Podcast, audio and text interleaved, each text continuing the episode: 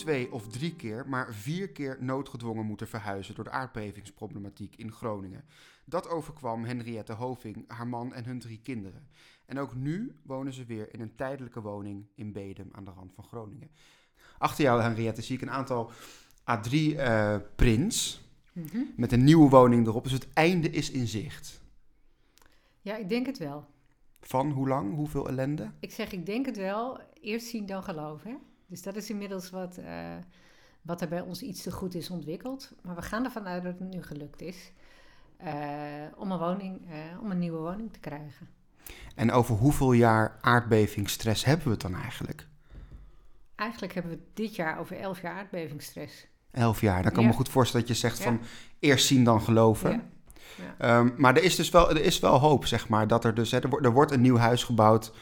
Waar jullie, het, dan wel het vijfde huis, maar waar jullie dan hopelijk wel gewoon in terecht kunnen. Ja, dat klopt. Ehm, maar daarvoor is er eerst een boel gebeurd. Dus het klopt. Jij noemt nu al het eindstation. Dat is fijn, dat is een goed vooruitzicht. En door dat vooruitzicht te hebben, is het ook te dragen. Ja. Nee, maar laten we dan bij het begin beginnen, Henriette. Want ehm, we gaan het vandaag hebben over eh, de aardbeving, de aardbevingsstress. Eigenlijk de mentale problemen die het geeft om al die jaren in, in, in, in angst, frustratie en ik kan me ook wel voorstellen met boosheid te leven. Mhm. Ehm, maar het begin, Henriette, want jij woont eh, samen met je man, heb jij een prachtig huis gevonden hier in de provincie Groningen. Ja, een, molenhuis. Ja, klopt. Dat was in 1993. Ehm naïef als we waren, gingen we eh, op huizenjacht en kwamen we dit huis tegen. En dat was een huis met de nodige gebreken. Maar daar hebben we jaren over gedaan om dat helemaal eh, op orde te krijgen. Helemaal ehm, te vertimmeren, te verbouwen daar waar nodig. Een monumentale woning. En ehm, het huis stond eh, ongeveer op 30 centimeter van de molen. En het weekendkruis draaide boven ons dak. Mijn man was eh, ondertussen de vrijwillig molenaar geworden van de molen. En ehm, ja, daar wonen we met z'n allen vanaf 1993. Een veel eh, romantischer, idyllisch Hollands plaatje. Kan ik me eigenlijk niet voorstellen. Nee, Hè, ben de ik met de je molen, eens. de molenaar, het, Ja. het, het weidse eh, eh, leven in de natuur. Ja, klopt. Ja. ja, dus dat begon goed. Dat begon goed. Ja, totdat het anders werd. Want kun je me vertellen over het, het, het- zeg maar het moment waarop alles veranderde voor jullie? Wanneer was dat? Nou, het veranderde natuurlijk niet in één keer. Maar voor mezelf kan ik wel zeggen dat vanaf de aardbeving eh, bij Huizingen eh, in 2012, augustus 2012. ehm, Dat is een van de zwaarste bevingen eh, geweest in het Ja. gebied, toch? 3,6 Klopt, op de schaal van. Richter. 8, 3,8. Nou, hoog, 3, punt nog wat. In ieder geval fors. En ehm, doordat dat gebeurd was, ehm, begon bij mij eigenlijk de eerste gedachte te spelen van... Goh, wat, wat zou er eigenlijk met de molen gebeuren als je een forse aardbeving hebt? En zo gaandeweg dit denken, ehm, werd het probleem eigenlijk steeds groter, zou je kunnen zeggen. Ehm, dan begint het begin van de, van de gedachte in je hoofd die een eigen leven lijkt te gaan leiden. Dan begin je daar samen eens over te praten. En dan ga je eens hardop je afvragen van wat zou er kunnen gebeuren. Eh, Mijn man ging als molenaar natuurlijk eens bedenken van ja, hmm, wat zou die molen nou doen? Laten we maar eens gaan kijken en kijken hoe die eruit Die ziet. molen stond echt tegen jullie huis aan, hè? ja, dus die, 30 die, centimeter. Echt, echt, Dus die ja. wieken, die enorme, eh, die enorme Wiekenkruis. dingen. Ja, boven ons dak. Ja, Waar wij ook sliepen. Wij sliepen Ja. onder het weekendkruis. oké. ja, nee, dan snap ik wel de angst. Nou ja, en, dan, en we hadden al eerder een keer meegemaakt dat er een klep uit de molen was gewaaid. En daar was ik ontzettend van geschrokken toen. Want als, als een, eh, een klep uit de molen waait, eh, een aantal meters naar beneden op een plat keukendakje, dan heb je het gevoel dat, dat de boel instort. En als je dan bedenkt dat die aardbeving die molen heeft laten schudden, schade heeft gemaakt, ehm, ja, dan gaat het je fantasie soms wel een beetje met je op de loop. Want voelde jij ook, hè, die, die aardbeving in Huizingen, ehm, dat was een van de zwaarste. Mhm. Waar was jij op dat moment? Voelde je die trillingen toen? Nee, die hebben wij niet gevoeld. We hebben later wel gevoeld. Ehm, en die later, de aardbeving in Westerwijd werd ook. Ehm, maar die op dat moment niet. Wij waren met vakantie. En ehm, ja, dat maakte dus dat je het ook niet zo gevoeld hebt, maar de beleving wel. Dus wij kwamen thuis en ik weet nog dat ik naar boven keek. En ik keek naar beneden, naar het dak onder die molen. Ik dacht van ja, maar wij liggen daaronder. Uh, liggen kinderen onder, wij liggen eronder. En was er enige vorm van, van fysieke schade ook aan de molen en aan het huis? Of was het vooral de angst dat je dacht van ja, nee, maar wat nee, er was ook zichtbare schade. Oké, dus je zag het ook echt? Ja, je zag het. En ehm, toch was er ook al schade. Ik bedoel, dat is al langer, maar je gaat dan pas met, met, uh, met ja, nieuwe blik kijken, zeg maar. Dus we gingen om ons huis heen en um, de schade bij het huis viel wel wat mee. De molen uh, had wel meer uh, zichtbare scheuren. En het onveilige gevoel was gewoon ontstaan. Ja, want want hoe is dat dan? Want dan lig je in bed, doe je je ogen dicht en dan? Dan denk je toch alleen maar aan dat wiekenkruis wat boven je hoofd ja, hangt. Ja, nou dat, bij storm heb je dat sowieso. Hè? Bij storm voel je sowieso. Dan, dan hoor je veel lawaai en dan, dan klinkt het op een bepaald ja. soort manier. Ja, gaan slapen met de gedachte van ja, er kan misschien vannacht wel iets gebeuren. Dat was het idee wat ik kon hebben. En, uh, maar je weet niet wat. Je weet ook niet wanneer. Je weet ook niet hoe erg. Maar het kan wel. Want immers, er was al een zware beving geweest in de buurt.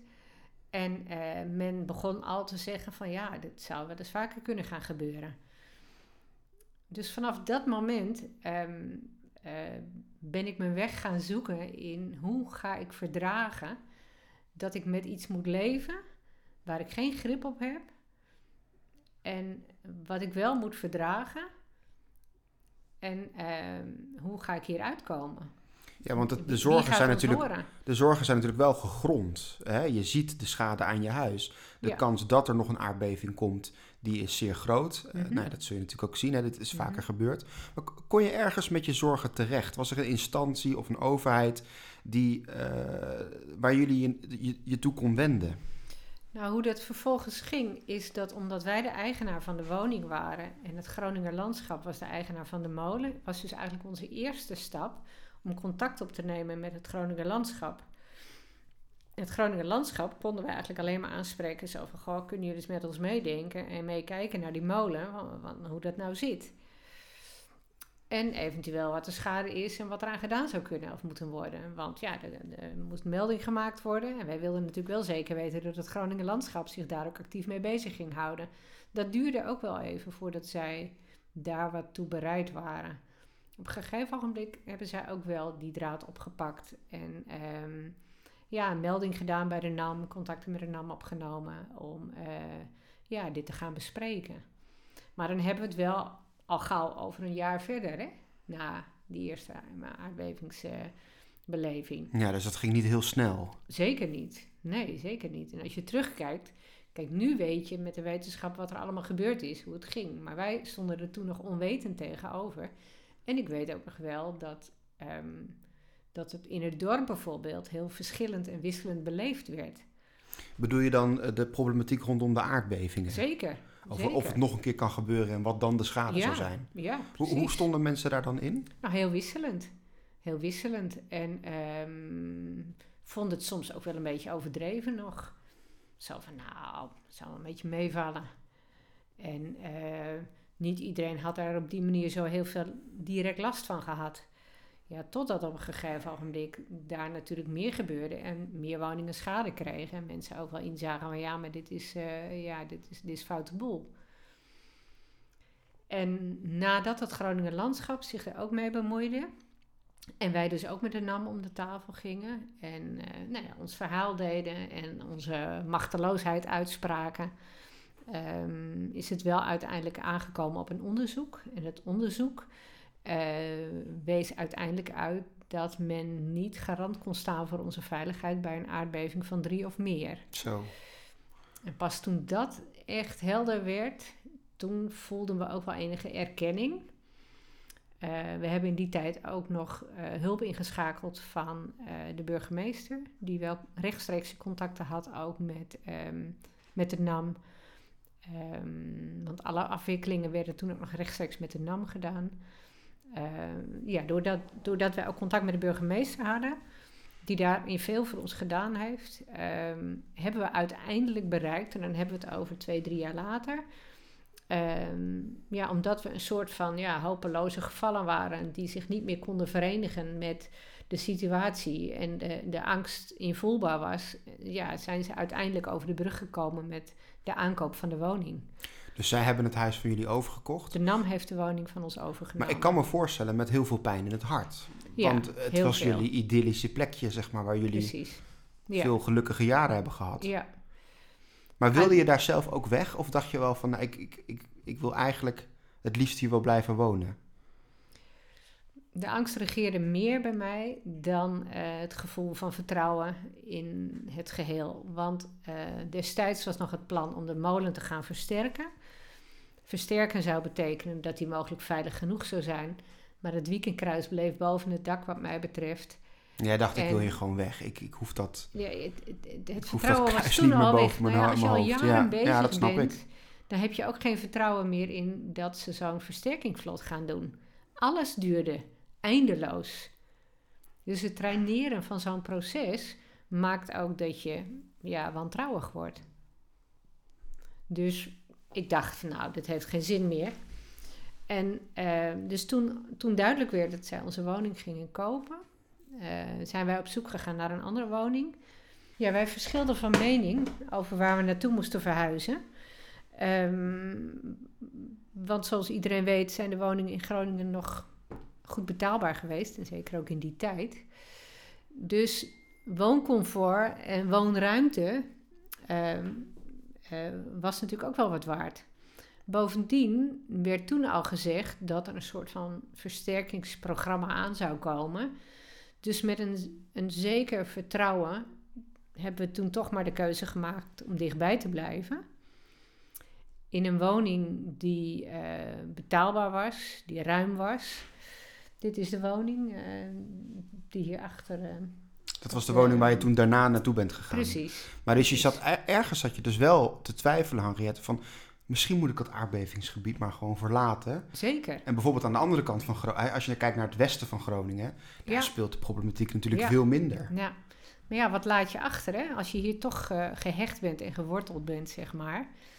Um, en bovendien, onder druk keuzes maken is ook niet makkelijk hè nu zou ik er misschien weer anders over kunnen denken. Maar, maar nu ben je tien jaar eh, verder en, en, kun je het waarschijnlijk ook... Kinderen op school, eh, weet je, eh, dat zijn enorme stappen die je moet maken.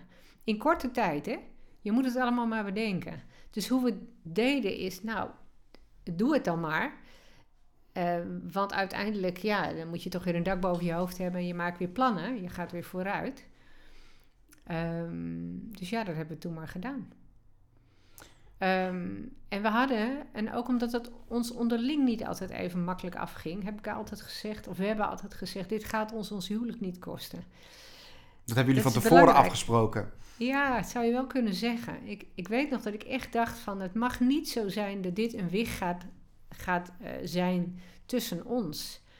Terwijl dat kan natuurlijk zo makkelijk als je zo en verschilt en, en zoveel te verwerken hebt. Precies. En is het ooit een wig geworden of leek het het ooit te worden? Nou, het heeft wel zijn best gedaan. Ja, tuurlijk. Tuurlijk. Want ga het allemaal maar eens regelen. Ga het maar eens bedenken. En ga maar eens toch een beetje tegen je zin in verhuizen. En ga het allemaal maar eens doen. Um, ik vond het emotioneel niet altijd makkelijk. En ik denk, mijn man kon dat iets makkelijker. Um, die kon iets makkelijker de draad weer oppakken van vooruitgaan. Terwijl ik denk dat ik, dat ik bozer was en verdrietiger was. Ik weet nog dat ik eens, eens in het huis rondliep. En um, er zou ook een gesprek plaatsvinden. En ik, ik liep uh, rond het huis en ik kwam nog kleine speelgoedjes van de kinderen tegen. Nou, tranen met tuiten. Gewoon heel verdrietig. Ja, omdat je natuurlijk het mooie huis waar je zo graag woonde moest verlaten. Ja, en het is niet alleen maar het mooie huis moeten verlaten. Het is een tijdperk afsluiten tegen je zin in. Een ander heeft het bepaald. De omstandigheden hebben het bepaald. En niet jijzelf. En, en richtte jou, die, die boosheid die je voelde, richtte zich, die zich tot een persoon of tot een instantie? Vond jij dat iemand er verantwoordelijk voor was? Voor wat jullie overkwam? Nou, dat begon natuurlijk toch wel met een soort van begrip als de NAM. En, eh, want dat was natuurlijk wel degene die we in eerste instantie konden aanspreken. Want zij natuurlijk uh, verantwoordelijk zijn voor de, de, boringen naar het gas. En uiteindelijk besef je dan natuurlijk ook dat dat toch uh, uiteindelijk niet alleen de NAM is, maar dat is ook de overheid waar je tegenaan loopt. En dan ga je er gaandeweg achter komen dat, um, ja, dat alles um, in deze situatie eigenlijk alleen maar aangestuurd werd door uh, financiële belangen. En dat men vooral niet zat te wachten op lastige Groningers of woningen die schade hadden. Uh, want dat zou heel veel geld gaan kosten. En daar zat men natuurlijk niet op te wachten. Dus het toedekbeleid, denk ik, um, uh, was groot.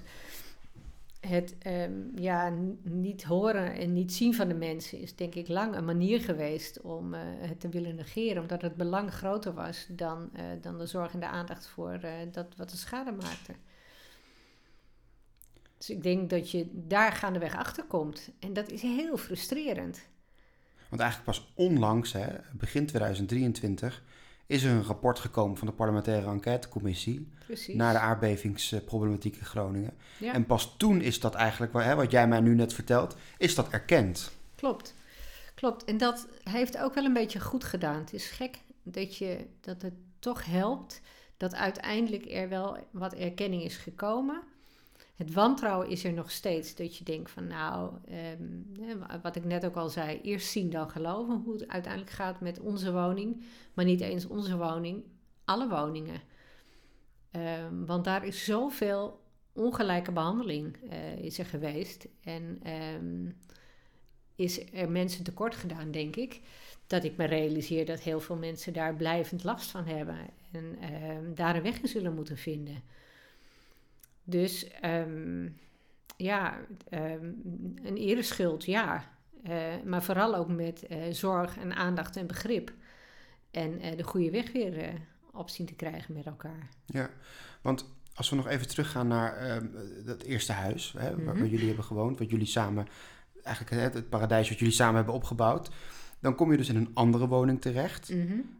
Was dat dan allemaal, ging dat dan allemaal goed? Zeg maar, was dat een fijne plek om te zijn? Nou, eigenlijk niet, want het was een huis die verbouwd moest worden. Dus in, in hele korte tijd is er ontzettend veel gebeurd om aan die woning te doen. Uh, om die, die een, nieuw paradijsje te maken. Een nieuw thuis voor onze kinderen. Een nieuw thuis voor onszelf.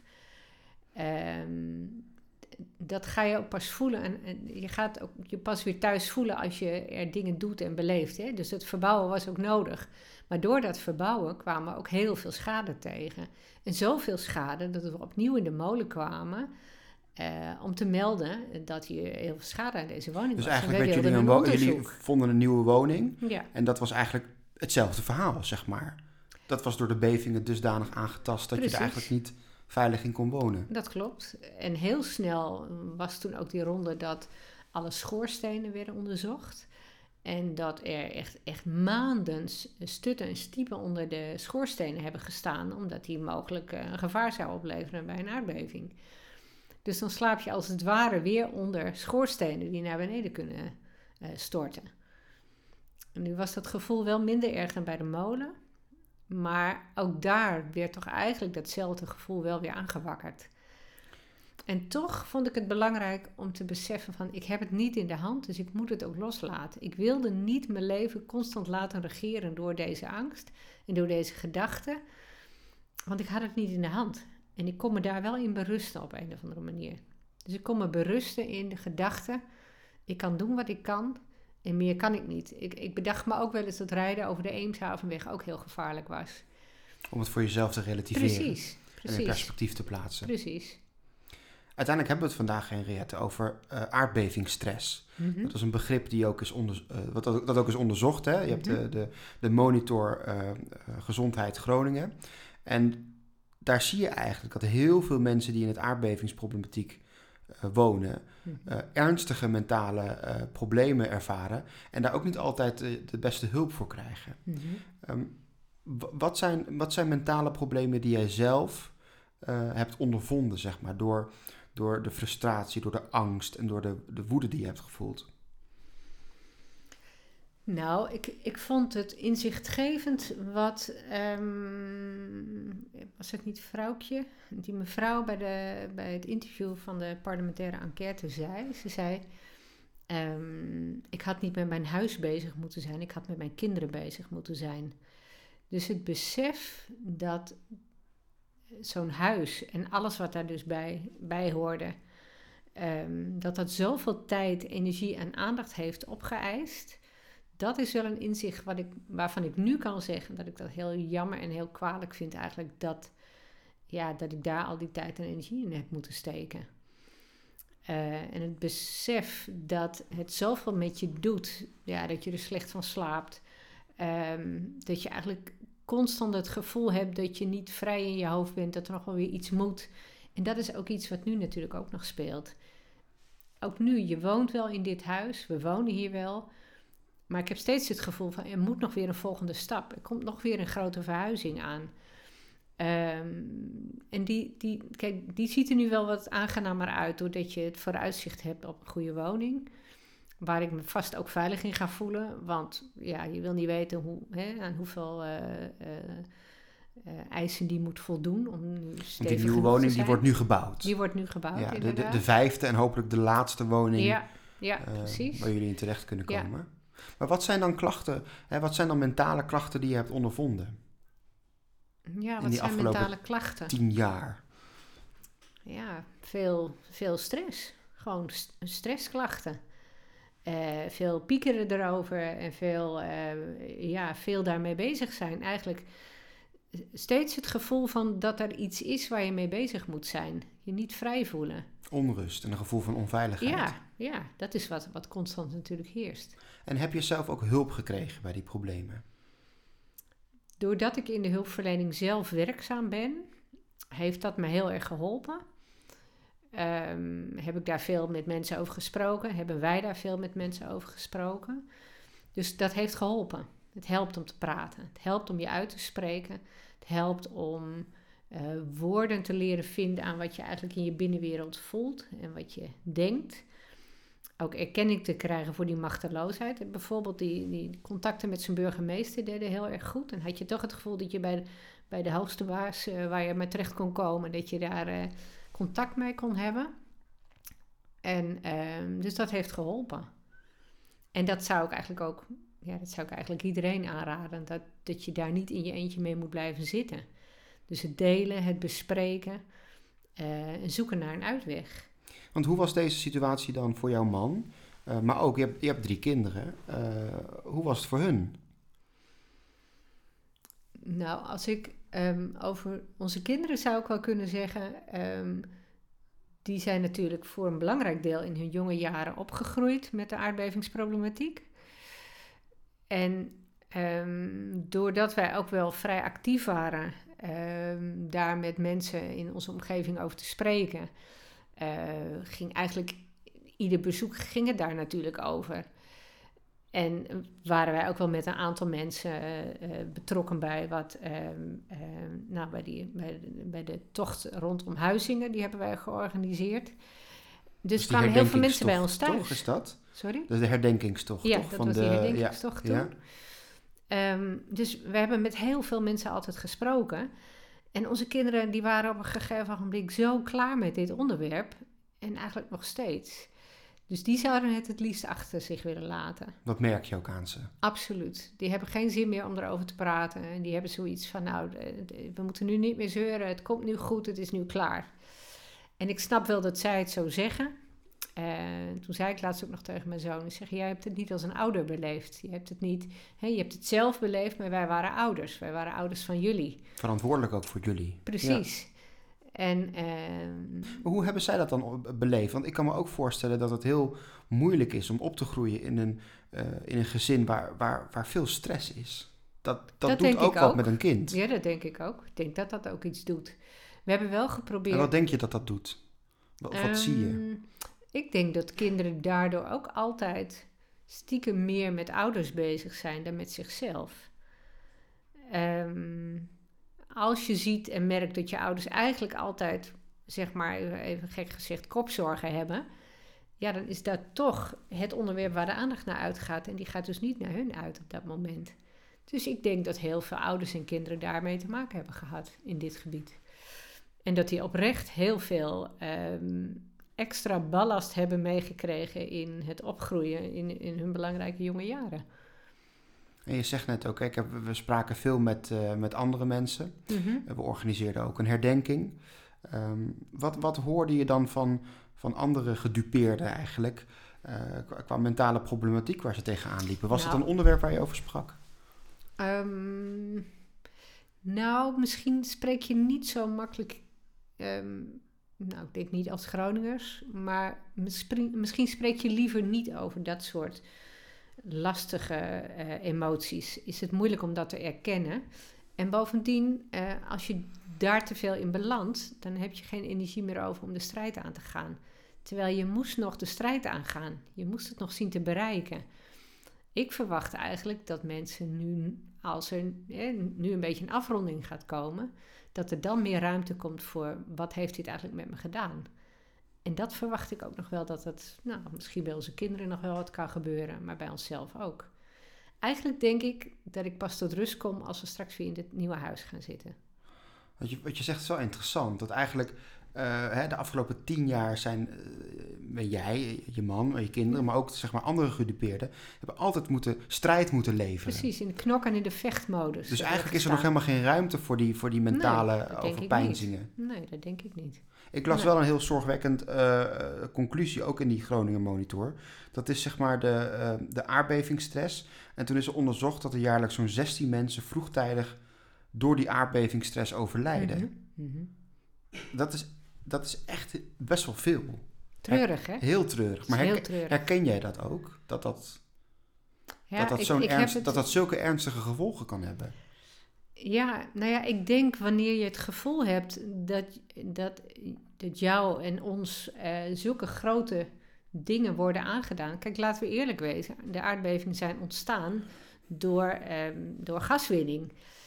En dat zijn keuzes geweest. En uh, er zijn een boel positieve dingen uit ontstaan. Maar men heeft, heeft geen verantwoordelijkheid genomen voor de schade. Uh, dus dat is wat je overkomt. Um, als het, als het uh, natuurgeweld zou zijn geweest, ja, dan, dan kan je er niks aan doen. En dan berust je je er anders in dan in zoiets. Dus omdat hier een veroorzaker is uh, en er is veel winst gemaakt uh, met de gaswinning, ja, dan heb je toch het gevoel dat je, dat je, um, dat je het nakijken hebt als men het hier achterlaat met de nodige scheuren en de schade en er met de buit vandoor is gegaan, als het ware. Ja, dus ja, ik, dat maakt je boos en verdrietig. Ja, want ik hoor jou veel, inderdaad veel over wantrouwen en veel over uh, praten over zo van zij hebben de winst gemaakt en wij blijven hier eigenlijk achter. Ja. Um, wat, wat doet dat dan met je als je eigenlijk het gevoel krijgt van ja, wij doen er niet toe hier in Oost-Groningen? Nou, dat is precies wat je zegt. Je hebt het gevoel dat je er te weinig toe doet. En dan voel je je dus ongelijk behandeld. En als je je ongelijk behandeld voelt, dan, heb je, dan vraag je je af hoe dat komt. En daar kun je last van krijgen en daar kun je uh, stress van krijgen. En dan kun je het gevoel krijgen van ja, weet je, ik word toch niet gehoord of gezien. Dus dat is ook een van de redenen waarom ik onder andere meedoe aan dit soort vragen. Uh, of andere interviews, omdat ik vind dat we gehoord moeten worden. En um, als je het niet laat horen, ja, dan heeft die ander ook geen idee wat hij heeft aangericht. Dus ik denk, denk dat dat, dat moet Denk gebeuren. je dat mensen dat onvoldoende beseffen in de rest van Nederland? Wat zeg maar de mentale gevolgen zijn ook van, van de aardbevingsproblematiek? Ja, dat denk ik wel. Ik, ik denk dat men te vaak heeft gedacht, joh, geef die mensen een zak geld en dan houdt het wel een keer op met het gezeur. En het is ook moeilijk je oprecht te verplaatsen in, um, ja, in zo'n zo'n situatie als dit, dat snap ik wel. Uh, maar uh, ik heb het vaker gehoord en gezegd van um, uh, luister op zijn minst. Uh, door te luisteren ga je het begrijpen. En als je het gaat begrijpen, dan, um, dan voelen wij ons gesteund. En um, ja, dan heb je toch het idee dat je er samen beter mee verder kan. Ja, want wat je zegt is wel waar. Hè? In de rest van Nederland hoor je vaak van... joh, geef die Groningers een nieuw huis. Ja. Hè? We hebben genoeg geld Regel verdiend. dat. Regel het, zorg goed voor ze, klaar. Ja. Niet meer over hebben. Ja. Terwijl juist wat jij zegt, dus dat gevoel van onmacht, het gevoel van frustratie, het niet gehoord worden, de angst om, eh, om, om, om, inderdaad gewoon, hè, eh, dat je bijvoorbeeld die wiek op je hoofd krijgt of, of een schoorsteen, dat wordt er allemaal niet in meegenomen. Nee, nee. Kijk, uiteindelijk denk ik met, um, met erkenning, financiële tegemoetkoming, al of niet met echt een goed huis neerzetten, dat je een heel eind kan komen met elkaar. Maar de schade wat is geleden gaat niet meer weg. Ehm, en dat, dat zal tijd nodig hebben om uiteindelijk weer, ehm, ja, weer wat vertrouwen te krijgen. Maar ik denk dat het voor onze generatie niet meer zomaar gaat lukken. Dat denk ik niet. Nee. ja, Weet je, we hebben de toeslagenaffaire gehad. We hebben, uh, we hebben de aardbevingsproblematiek gehad. Moet je nagaan hoeveel jaren het heeft geduurd voordat er ehm, uiteindelijk met de parlementaire enquête en uh, het resultaat daarvan ehm, erkenning is gekomen. Hoeveel jaar heeft dat geduurd? Ja, jaren. Lang. Jaren en jaren heeft dat dus, geduurd. Um, het kan zijn dat er nu ook al wel weer iets zich afspeelt. Uh, waarvan je over, uh, over een, een, tijd zal zeggen van ja, maar dit kan zo niet. En daar zal uh, anders mee omgegaan moeten worden. Dus laat het vooral een punt zijn waarvan geleerd wordt.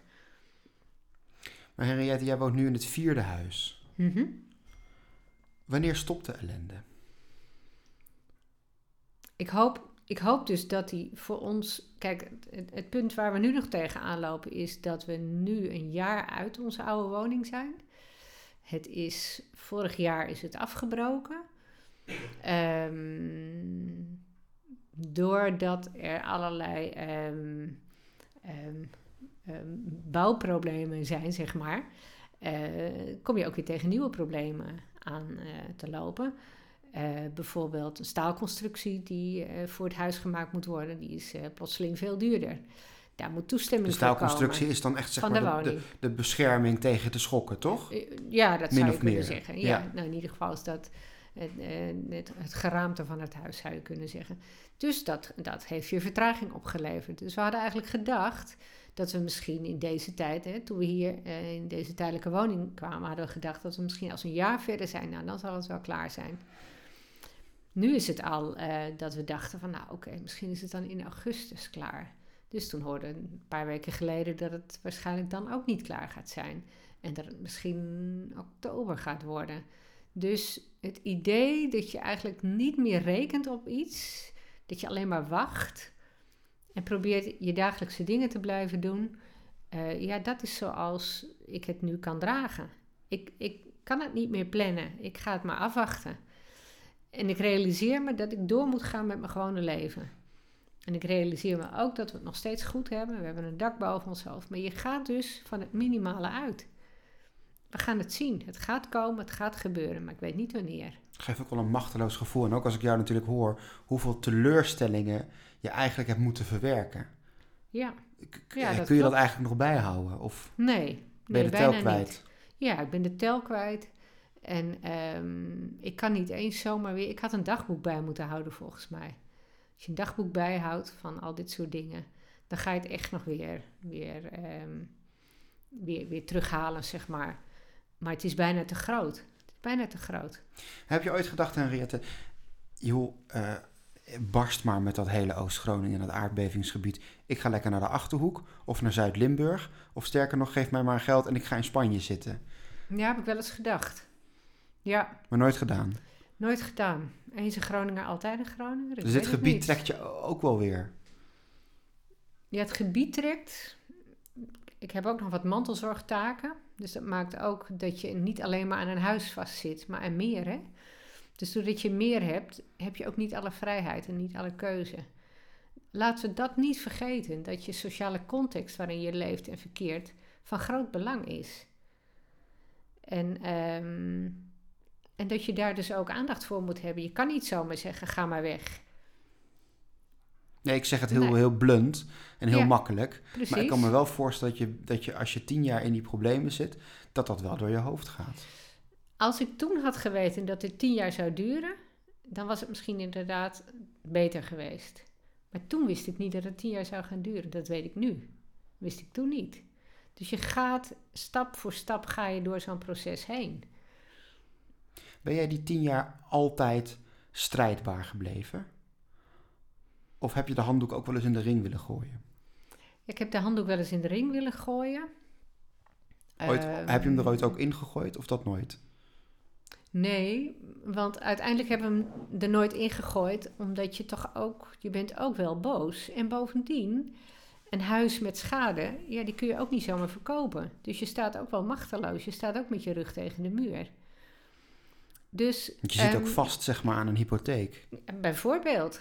En eh, doordat het huis onderzocht was en er zoveel schade naar voren kwam, ja, ging het huis ook niet meer opleveren waarvoor je hem gekocht had.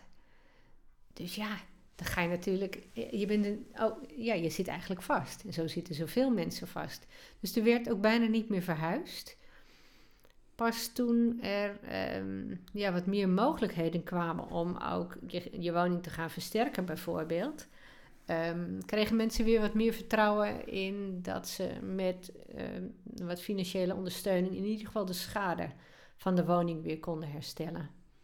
Maar ja, bij iedere nieuwe beving eh, kwam weer nieuwe schade. Ehm, Want als we kijken naar deze woning, hè, dit is dan de vierde woning waar je nu in zit. Is- hier zichtbare aardbevingsschade aan Ja. deze woning? Ja, ja, dat is er ook. Ja, En- ik loop elke dag de trap omhoog en, en kijk naar, naar een paar meter lange scheur. En wat voor gevoel geeft dat dan als je in je bed ligt? Ik probeer te negeren, maar ik heb al lang bedacht wat er eventueel zou kunnen gebeuren.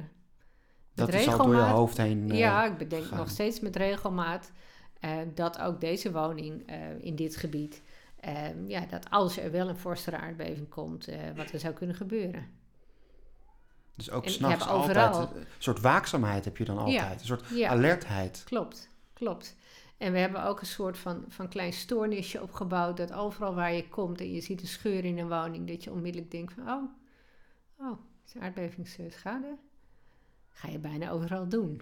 Als je ergens onverwacht iets voelt trillen, dan denk je ook onmiddellijk, oh, is een aardbeving? Ook al ben je ergens in Spanje hoor. Dat gaat er niet Dus meer het uit. zit er helemaal in, zeg Ja, maar. dat zit er echt helemaal in. Ja, dat voel je. En dat moet, de- die angst die je dan even in een flitser door je heen krijgt, die moet heel snel met een, een, een helpende gedachte, zeg maar, gecorrigeerd worden. Zeg, oh nee, dat kan niet. Oh nee, het zal wel meevallen. En dan ga je die- weer met, verder. Met die, met die, nou best wel, hè, met die ellendige, eh, angstige dingen. Hoe, hoe heb je daar uiteindelijk een modus in gevonden om daarmee om te gaan? Met die angsten, Ja. met, die, met, die, met die angstgedachtes, met... ehm, Nou, ik, ik wil gewoon niet door angst geregeerd worden. En ik realiseer me dat, dat de kans er wel is, maar dat ik. Het leven is natuurlijk, heeft altijd risico's. Dus me, ik, ik wil niet mijn leven erdoor laten afpakken. Dus ik weet dat het er is. En af en toe overvalt dat nog even. Maar ik ben niet van plan mijn leven erdoor te laten leiden. dus dat heb Want je heel duidelijk tegen jezelf gezegd. En Ja. daar heb je een modus in gevonden. Precies. Heel duidelijk mezelf ook begrensd van ja, dit moet niet. Ik moet dit niet laten gebeuren. Ik wil dit ook niet. Maar ik weet ook, ja, je weet niet of er iets komt. Je weet niet wanneer eh, en, en wat er zou kunnen gebeuren. Maar ik realiseer me ook, en dat zei ik al eerder, dat rijden over, een, eh, over de, de snelweg, dat het ook gevaarlijk kan zijn. En ook dat doen we. En ook daar gaan we mee door. Dus dat moet je ook wel realiseren. Je ja, hebt dus niet het alles in de hand. relativeren, zeg Ja, eigenlijk. relativeren. en Jezelf proberen gerust te stellen. Ik moet het ermee doen, blijkbaar. Nou zijn er natuurlijk heel veel mensen die in dit gebied wonen... die soortgelijke problemen meemaken. Zoals Mhm. jullie dat ook hebben. Mhm. Ehm, wat, wat, voor een, wat voor tips en handvatten zou je die mensen eh, kunnen meegeven? Wat heeft jou er bijvoorbeeld doorheen geholpen...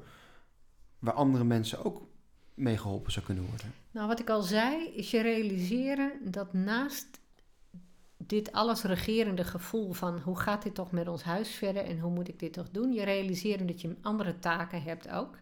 Zoals ik eerder ook al zei, ik was niet van plan dat dit mijn, mijn huwelijk zou gaan kosten. Dus je realiseren dat zoiets groots zoveel impact kan hebben dat het wel van invloed gaat zijn op een relatie. Dat het ook van invloed gaat zijn op, je, het vervullen van je ouderlijke rol. Dat het ook van invloed gaat zijn op de contacten met de mensen om je heen. Ehm, dus je realiseren dat je dat, dat je wilt waken dat het niet gaat overheersen. En dat je jezelf ook echt ehm, eh, ja, alert moet blijven houden dat dat niet gaat gebeuren. Dus wees waakzaam over dat zoiets groots niet jouw leven zo gaat regeren. Um, ja, dat alle andere dingen stuk gaan. Ik weet zeker dat er bij een heleboel mensen relatieproblemen zijn ontstaan. En dat er uh, mensen slecht zijn gaan slapen, mensen stressklachten hebben gekregen. En dat mensen somber van zijn geworden. Wat ik me heel goed kan voorstellen. Dus mijn advies zou echt zijn: probeer, um, probeer het te parkeren daar waar je kan. Het helpt niet om er de hele dag mee bezig te zijn. Um, probeer te bedenken dat het leven meer is dan alleen maar deze aardbevingsproblematiek. En um, dat je niet alles in de hand hebt, maar dat je wel mag kijken naar wat heb ik wel in de hand en hoe kan ik proberen het daar zo goed mogelijk mee te blijven doen. Zeker ook kinderen hebben in, die, in, in deze leeftijd zoveel zorg en aandacht nodig. Ja, je moet het, het hele aardbevingsgebeuren eigenlijk niet gunnen dat ze jou je leven gaan afnemen. Dat moet je niet willen. Maar ja, daar heb ik wel een paar jaar over gedaan om dat te realiseren. Ja, dat is een mooi advies. Dus eigenlijk, hè, maak het niet te groot, zeg maar. Uh, Maar dat is natuurlijk ook moeilijk. Ja, nou, wat belangrijk is denk Wat ik me afvraag, Henriette, sorry dat ik je onderbreek. Maar hoe heb je er nou voor gezorgd dat, um, dat die aardbevingsproblematiek, die zo groot en allesomvattend is, niet bijvoorbeeld uh, tussen jou en je man is komen te staan? Nou, ook wel door het te begrenzen. Door er niet steeds over te willen praten. Um, um, toch samen één lijn trekken. Samen wel één doel voor ogen hebben. Ook samen gewoon soms hele leuke dingen doen? Absoluut. Gewoon de gewone dingen blijven doen. Um, realiseren wat je dus nog wel hebt. Hè? Ook al had je een boel niet. En een gevoel van veiligheid in je huis eigenlijk niet altijd. Um, is het leven natuurlijk wel meer dan alleen maar dat. Vooral. Dus laat het ook niet overheersen. Ik denk ook dat wij dat gedaan hebben. Het niet laten overheersen. Nee, precies. En als je dan bijvoorbeeld kijkt naar de, naar, naar, naar de opvoeding van je kinderen, mm-hmm. heb je ze daar dan uh, genoeg van kunnen weren, zeg maar, van die aardbevingsproblematiek? Ja, we hebben, we hebben wel um, geprobeerd, geprobeerd, lukte niet altijd, um, er ook wel minder in hun aanwezigheid over te spreken, bijvoorbeeld. Um, ik, heb in een eerder gesprek ook wel eens gezegd: we, uh, we, hebben wel even het bed van onze dochter toen verplaatst. Niet meer helemaal onder dat dak, bijvoorbeeld, dat soort dingen. Um, onder het dak van die molen. Onder het dak van die molen, precies. Ook wel geprobeerd die angst niet over te brengen. Uh, maar kinderen zijn ook slim, die voelen natuurlijk ook. En ook al zeg je het niet, dan voelen ze het wel. En dan is het op een gegeven ogenblik wel belangrijk dat ze wel snappen wat er aan de hand is dat zij er niks aan kunnen doen, dat wij er niks aan kunnen doen, maar dat we ons best doen het zo goed mogelijk te regelen. Dus zij moesten wel vertrouwen houden in dat wij het aankonden, dat wij het konden handelen. En ik denk wel dat ze dat gevoel hebben gehouden, want uiteindelijk gaan we gelukkig naar een goed resultaat toe. Dat kunnen niet alle Groningers zeggen. Dus. Um, nee, want dat kan dat me ook voorstellen. Jij hebt perspectief nu. Precies op. Uh, en, en, en, misschien dat het nog inderdaad een aantal maanden duurt. En ik kan me voorstellen dat dat heel frustrerend is. Mm -hmm. Maar het komt er. Precies. En het is een mooie woning, zie ik Precies. achter je. Wat doet het dan inderdaad met je als je dat perspectief niet hebt? Wat hoor je uit je omgeving? Denk ja, je? nou, ik denk dat mensen dan nog steeds het gevoel houden van, uh, van machteloosheid en dat de zorgen rondom dit thema blijven regeren. En dat mensen dus, net als wat jij net zegt, dat je eigenlijk constant daarmee bezig bent en constant op aanstaat. Waar het een zit, kan het ander niet zitten. Laten we dat niet vergeten. Dus um, ja, ik, ik, denk dat het van invloed is op mensen's dagelijks functioneren. Ik denk dat het van invloed is op uh, mensen hun, hun, werkzame leven. Ik denk dat het uh, van invloed is op ouders en hun ouderlijke rol en hun opvoeding. Um, ik denk, eh, ik ben heel benieuwd of bijvoorbeeld uit onderzoek later zou blijken uh, dat kinderen misschien wel minder goed hebben kunnen presteren op school. Uh, dat er misschien wel een hoger ziekteverzuim is uiteindelijk. Dus um, ja, ik denk dat het, dat het uiteindelijk door nu een perspectief te hebben van een woning, wij het ook af kunnen sluiten en af kunnen ronden op een gegeven ogenblik.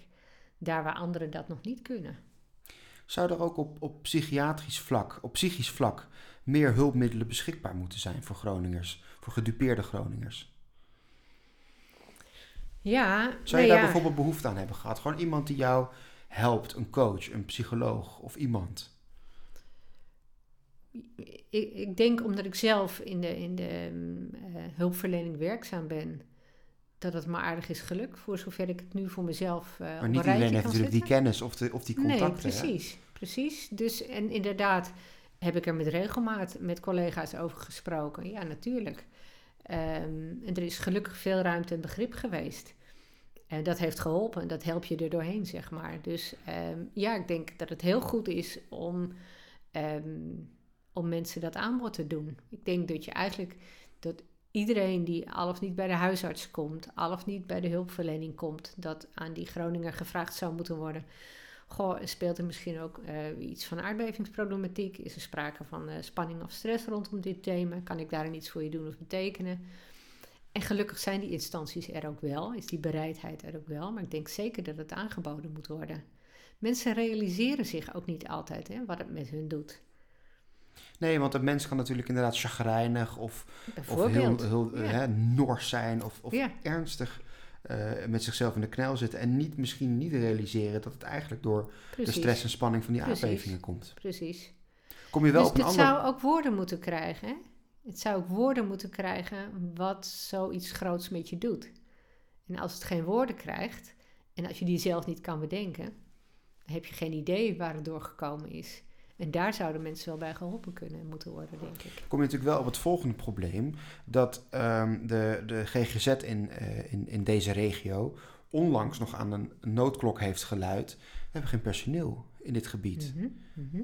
Dus in dit, eigenlijk in het gebied waar mensen bovengemiddeld veel psychische hulp nodig zouden moeten hebben, Mhm. is het personeelstekort nergens zo groot als in heel Nederland. Ja. ja. Ja, hoe nijpend is dat? Ja. Wat doet dat dan met jou? Of als je dat zo hoort, dat je denkt van ja, Ja, dat het leed al is geleden en dat mensen doorgaan met lijden. En dat er dus te weinig gehoor wordt gegeven.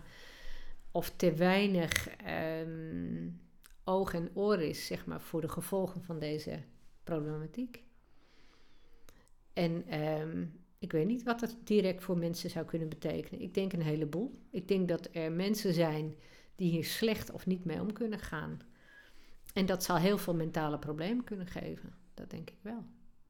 Nou is er natuurlijk, ik zei het net ook al, onlangs wel een, een, een snoeihard rapport gekomen. De parlementaire enquêtecommissie. Er zijn ook hè, dat stukje erkenning. eh, Helpt, helpt dat iets of is dat een, een doekje tegen bloeden? Nou, het helpt wel iets. Het helpt zeker iets.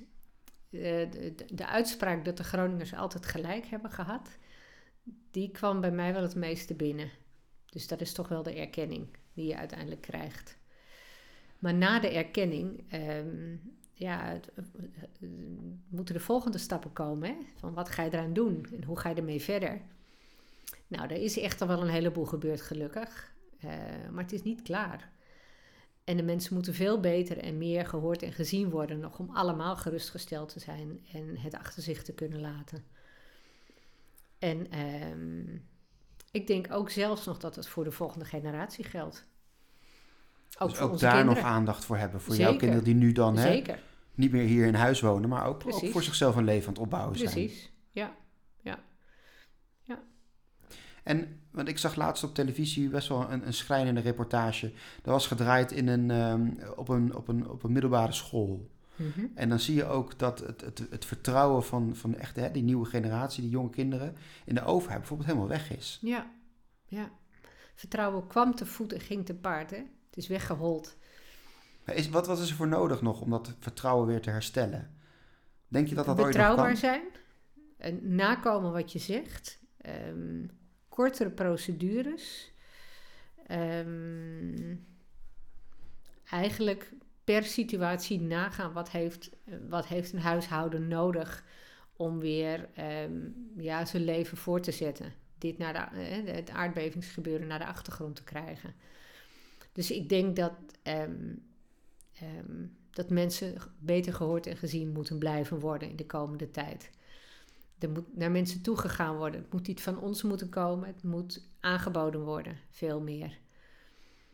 Ehm, ik denk wel dat dat al meer gebeurt. Ehm, maar dat daarmee doorgegaan moet worden. Dat denk ik wel. Ik hoor mooie adviezen. Dus hè, mensen moeten gezien worden. Mensen moeten worden actief worden geholpen. Ja, Hè, of voor je mentale gezondheid moet je het niet te groot maken. ja. Maar ook aandacht blijven houden voor de, voor de kleine dingen in het leven. Eigenlijk gewoon het dagelijks leven. absoluut. Absoluut. En er moet misschien Ja. wel psychische hulp aangeboden worden aan de mensen. Ook al hebben ze niet door tegen wat voor problemen ze aanlopen. Ja. Kunnen we daar Ja. nog iets aan toevoegen? Een mooi slotadvies, Henriette. Ik denk, ik denk dat mensen niet moeten schromen ehm, eh, hun verhaal te vertellen. Ook al denken ze zelf dat het onvoldoende de moeite waard is. Eh, vertel je verhaal en eh, laat anderen meedenken en meeluisteren. ehm, en kijken of ze iets kunnen doen of betekenen voor je. Het niet vertellen, het stilhouden, is sowieso geen oplossing. Het opkroppen. Dat opkroppen. Ik denk dat dat heel slecht is en heel ongezond is. En het delen maakt eigenlijk dat je ehm, het hardop gaat uitspreken. Dat je er zelf erkenning aan geeft. Je het in ieder geval zelf al belangrijk genoeg vindt om te delen. En ik hoop dat die ander bereid is om te luisteren. En aan jou te vragen, hoe gaat het met je? En eh, kan ik iets voor je doen? En eh, kan ik iets voor je betekenen? Laten we dat blijven doen met z'n allen. Heel erg bedankt en veel succes ook met hopelijk die allerlaatste stapjes Ja, richting gewoon een, een fijne toekomst. dankjewel.